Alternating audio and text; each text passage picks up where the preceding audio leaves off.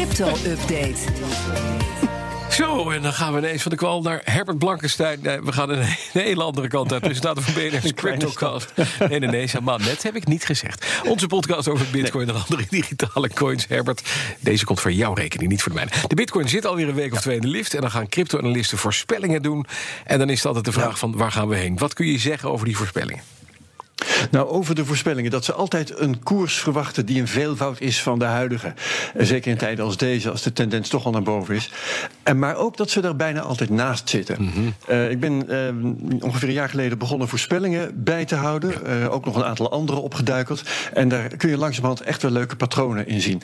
Maar eerst even de voorspellingen van deze week. Um, Nicholas Merton, een populaire crypto-YouTuber. 350 abonnees, sorry, 350.000 abonnees he heeft hij. Die is nog conservatief. Die voorspelt een bitcoin van 30.000 dollar voor eind volgend jaar. Nou, dat zou kunnen. Um, mm -hmm. Anthony Pompliano, ondernemer, investeerder en podcaster, die denkt aan 225.000 dollar eind volgend jaar. En dan heb je Raoul Peil van Real Vision, een ander financieel YouTube-kanaal, die voorspelt een miljoen dollar in 2025. Dat zijn alleen al de voorspellingen van deze week. Hè. Die Raoul Peil die voorziet een muur van geld die tegen die tijd de crypto instroomt. Een bitcoin van een miljoen, wanneer je, wanneer, voor wanneer dan ook, is eigenlijk redelijk extreem, maar vier jaar vooruit is eigenlijk te lang om vooruit te kijken, vind ik. Maar het leuke is, je verzamelt dus die voorspellingen. Wat kan je zeggen als, ja. je, als je een paar jaar aan voorspellingen overziet? Want je zegt ook, ze zitten er bijna altijd naast. Ja, uh, nou uh, precies dat. En uh, altijd te hoog ook. Ja. In 2018, interessant jaar, omdat dat het jaar was dat de bitcoin instortte en de trend ook echt omlaag was. Toen bleven die voorspellingen maar bullish. De laagste voorspelling die ik heb gedocumenteerd voor eind 2018 was 15.000 dollar. Het werd 3000. Ja.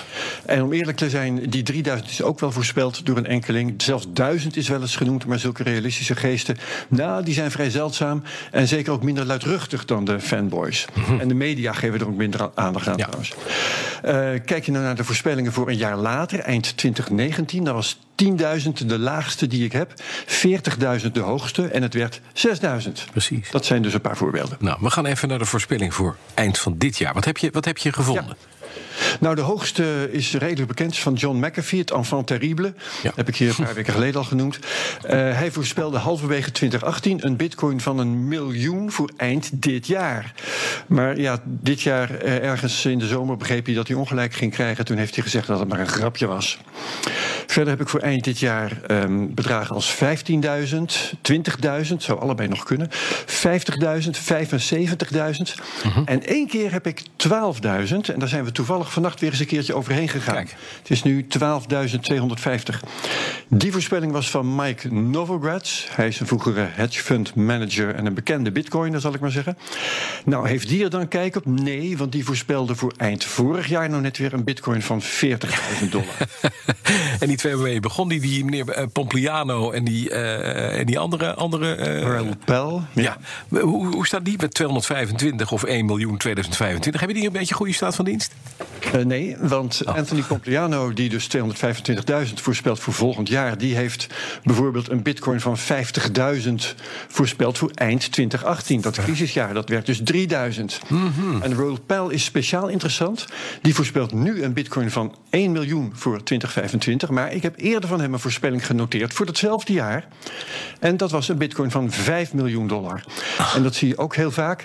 Naarmate een datum dichterbij komt, dan dalen de voorspellingen van één en dezelfde persoon.